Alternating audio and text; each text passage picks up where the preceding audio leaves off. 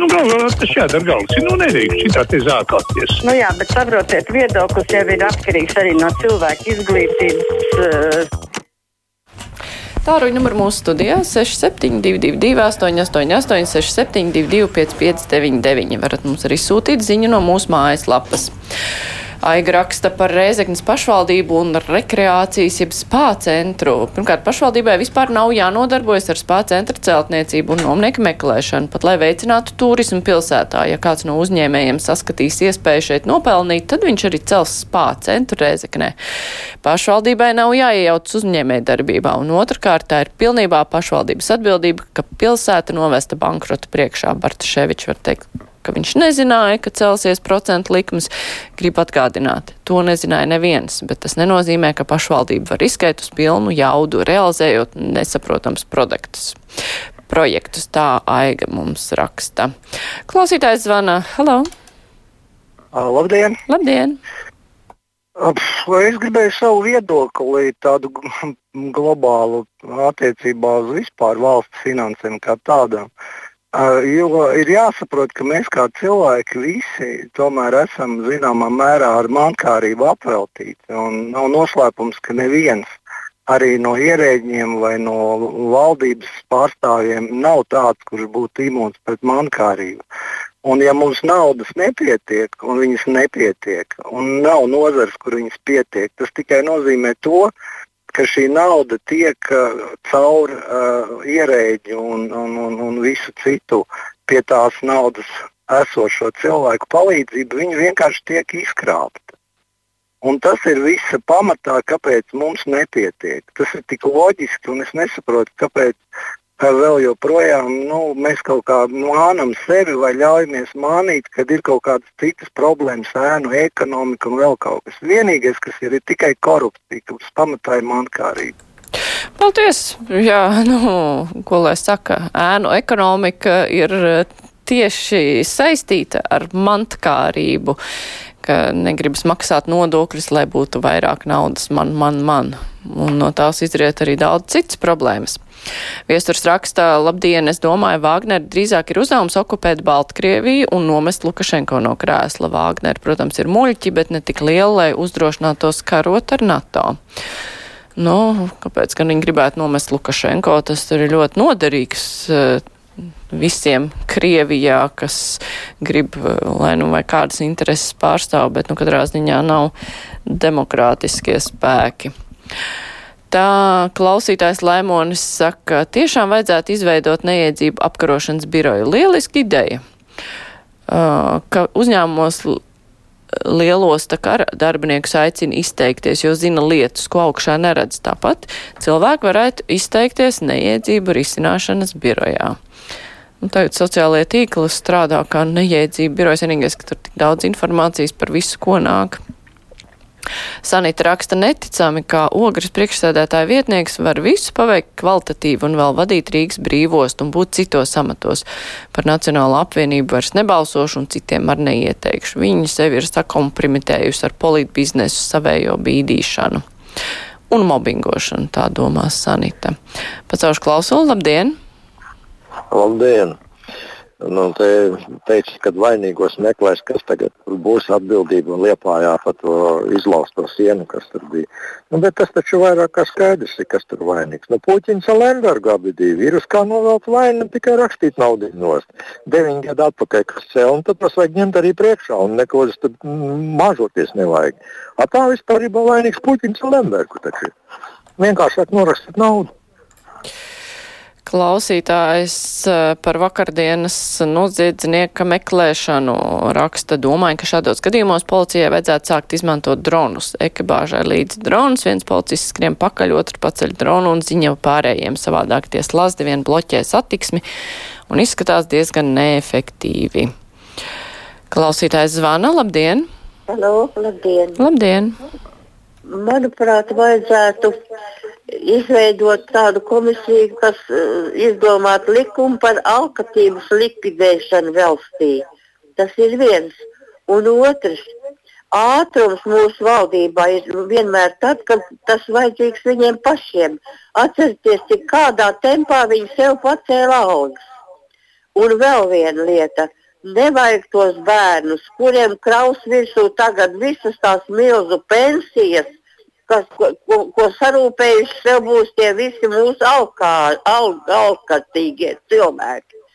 Un, un bērniem būs jāmaksā viņu sastrādātie parādi un arī viņu lielās pensijas.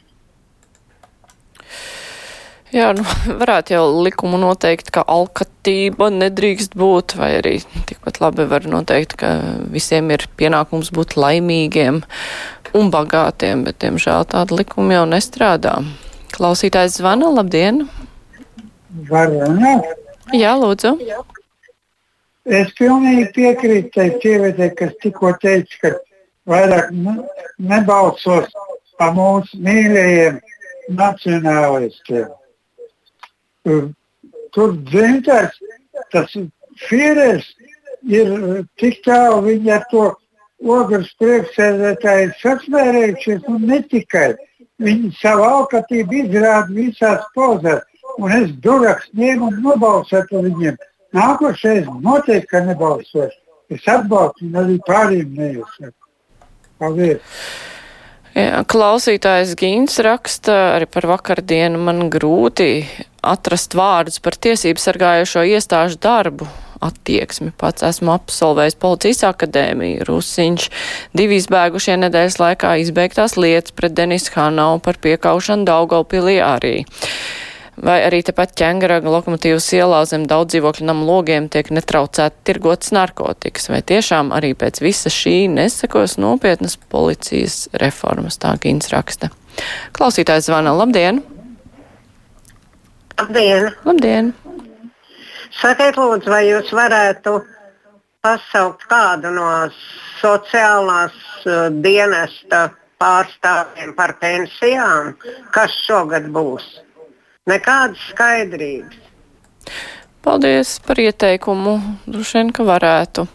Klausītāja Anna raksta, ak, šitie gudrinieki, ka pie visa esot vainīgi ierēģņu korupcija, jau zinām, uz ko tas velk. Balsojiet par stingrās rokas antivakseriem, gopzem, šleseru un viņi maģiski atrisinās visas problēmas.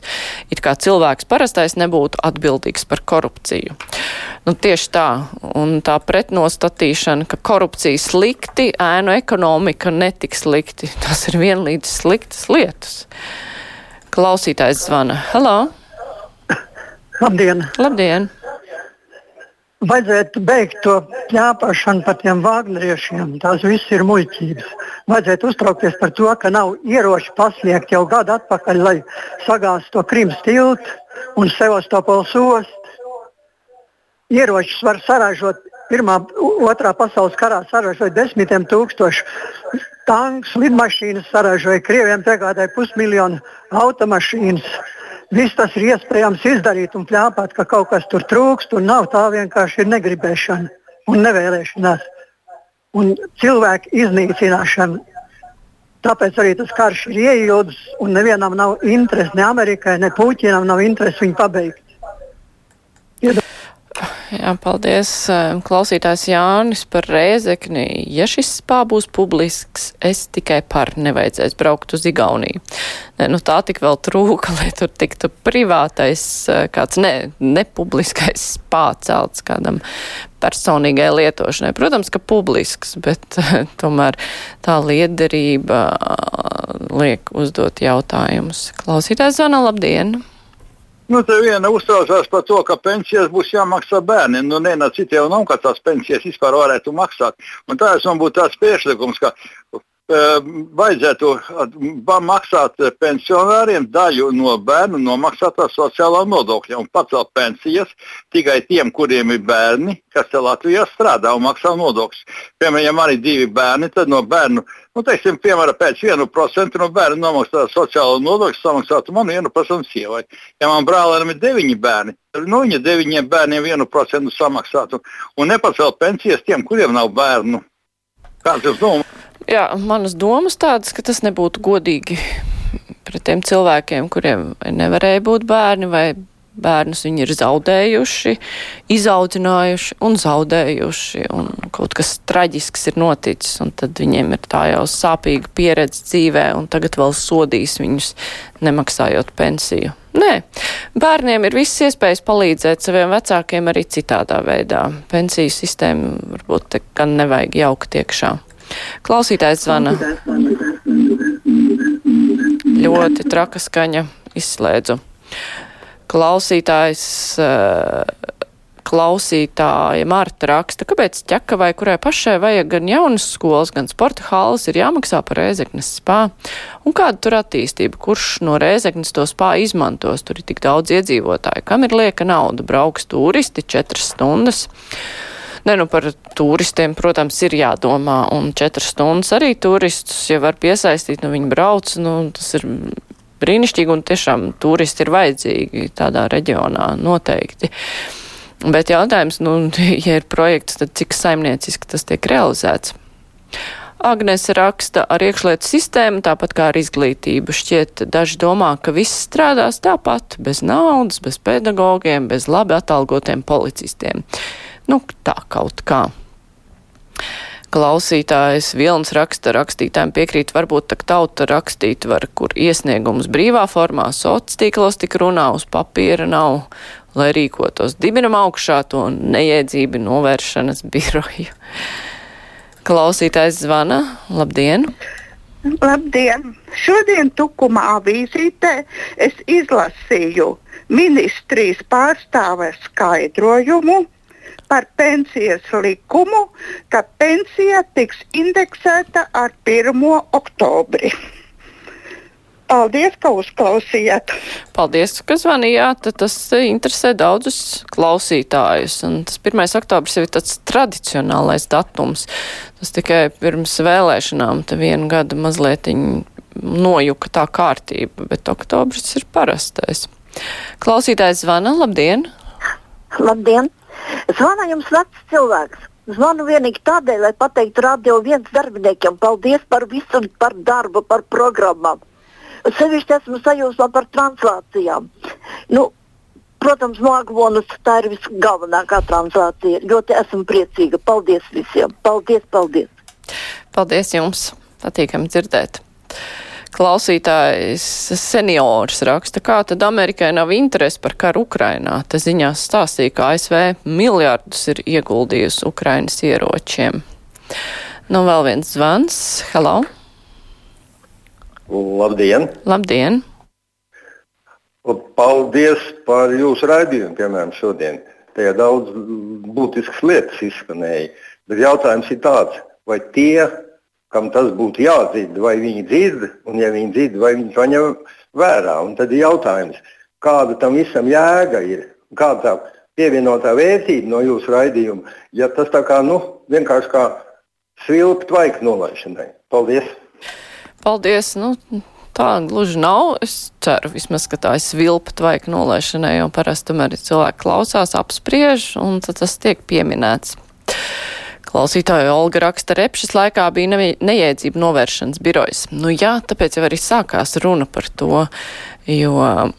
Mm, Tāpēc uh, tas viens klausītājs sāk rakstīt, ka vajadzētu to atjaunot, jo viena kolēģi to pieminēja. Tā Agita raksta žēl, konkrētais zvanītājs nu neko nav dzirdējis par ārzemēs strādājošiem latviešiem, kuri ar oi kādām summām atbalsta savus Latvijā dzīvojošos tuviniekus. Jā. Nu jā, tas jau arī tika apspriests. Labi, klausītāji, liels paldies par klausīšanos, rakstīšanu, piedalīšanos un komentēšanu. Brīvais mikrofons ar to izskan. Šonadēļ kruspunktā arī izskan. Pirmdien būs studijā jau man kolēģis Aidis Tomsons atgriezies no atvaļinājuma. Tā kā varēsiet viņu dzirdēt, un viņam būs ar Rīgas domas deputāti Justīnu Panteļēju no pro progresīvajiem intervija. Kruspunktā producenti Revi Junāma, studijā bija Māra Jansona. Visu labu, mēs tiksimies nu jau tikai septembrī.